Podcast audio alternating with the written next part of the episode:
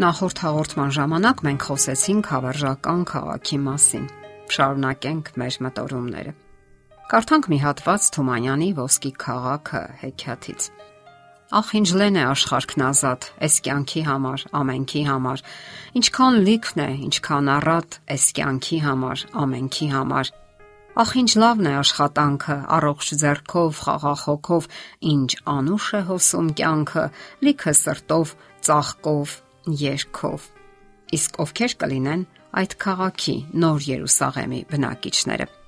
Քրիստոսով ննջասները հարություն կառնեն եւ կենթանի արթարների հետ կբնակվեն այնտեղ։ Նրանք իրար կճանաչեն այնպես, ինչպես այժմ են ճանաչում ու շփվում։ Այդ մասին կարդում ենք. Այժմ, երբ նայում ենք հայելու մեջ, հստակ չենք տեսնում, իսկ այն ժամանակ կտեսնենք դեմ առ դեմ։ Այժմ massամբ եմ տեղյակ, իսկ այն ժամանակ կճանաչեմ այնպես, ինչպես որ նրանից ճանաչվեցի։ Ինչպիսի մարմին կունենանք մենք։ Այսօր բազմաթիվ սխալ տեսություններ կան այն մասին, թե ինչպիսի մարմին կունենան փրկվածները։ Կունենան արդյոք միս եւ ոսկորներ։ Այս հարցին պատասխանել է ինքը Քրիստոսը։ Ինչու եք շփոթվել։ Ինչու են ձեր սրտերում կասկածներ առաջանում։ Տեսեք իմ зерքերն ու ոտքերը, որովհետև ես ինքս եմ։ Շոշափեք ինձ ու տեսեք, որովհետև ոգին մարմին ու ոսկորներ չունի, ինչպես տեսնում եք, ես ունեմ։ Այս ասելով Հիսուսը աշակերտներին ցույց տվեց իր зерքերն ու ոտքերը։ Այսպիսով իր հարությունից հետո Հիսուսն աշակերտներին ապացուցեց, որ ինքը միս ու ոսկոր է եւ ստիպեց, որ նրանք դիպչեն իրեն։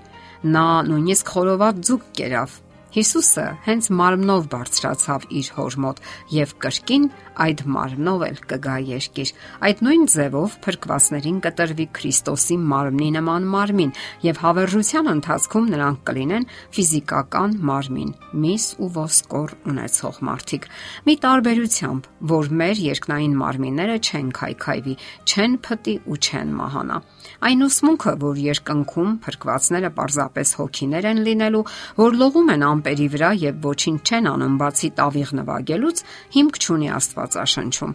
Հիսուսը խաչի վրա չմահացավ, որ նման չնչին ապագա ապահովի նրանց համար, ովքեր ընդունում են նրա սերը եւ հետևում նրա ճանապարհին։ Ցավոք մարդկանց զգալի մասը շահագրգռված չէ նման գոյությամբ եւ հետեւաբար ցանկություն չունի գտնվելու Աստծո երկնային արխայության մեջ։ Եթե յուրաքանչյուր մարդ կարողանար ճշմարտությունն իմանալ Աստծո Սուրբ քաղաքի եւ նոր երկրի մասին, միլիոնավոր մարդիկ կհասկանային նրա սերը եւ կդիմեին նրան փրկություն գտնելով նրանք կվայելեին այն խաղաղությունն ու ուրախությունը, որ պատրաստել է Աստված իրեն փնտրողների եւ սիրողների համար։ Ինչով կզբաղվեն փրկվածները։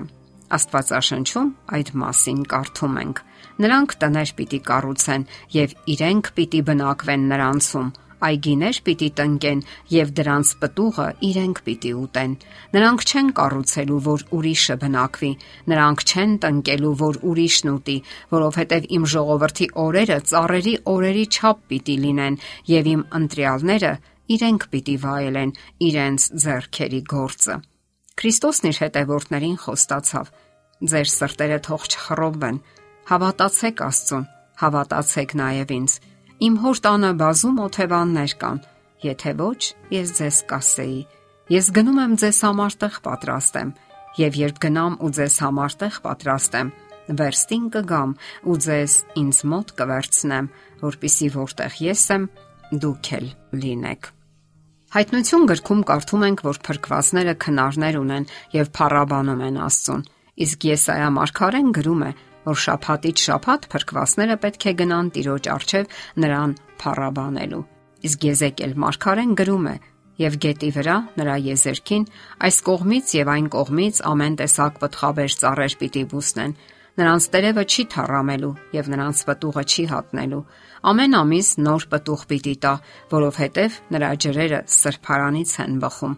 նրանց պտուղը ուտելու համար է իսկ նրանց տերևները բժշկության համար Արդյոք Մարգարեի խոսքերից տրամաբանորեն չի բխում, թե ինչով պետք է զբաղվեն փրկվածները։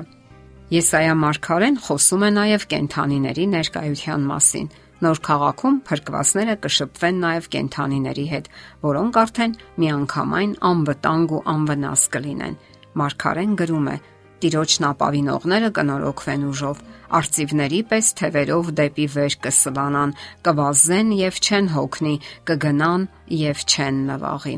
Փրկվածները կճանապարհորդեն եւ նրանք ամենայն հավանականությամբ դիեզերքի միակ բնակիչները չեն լինի։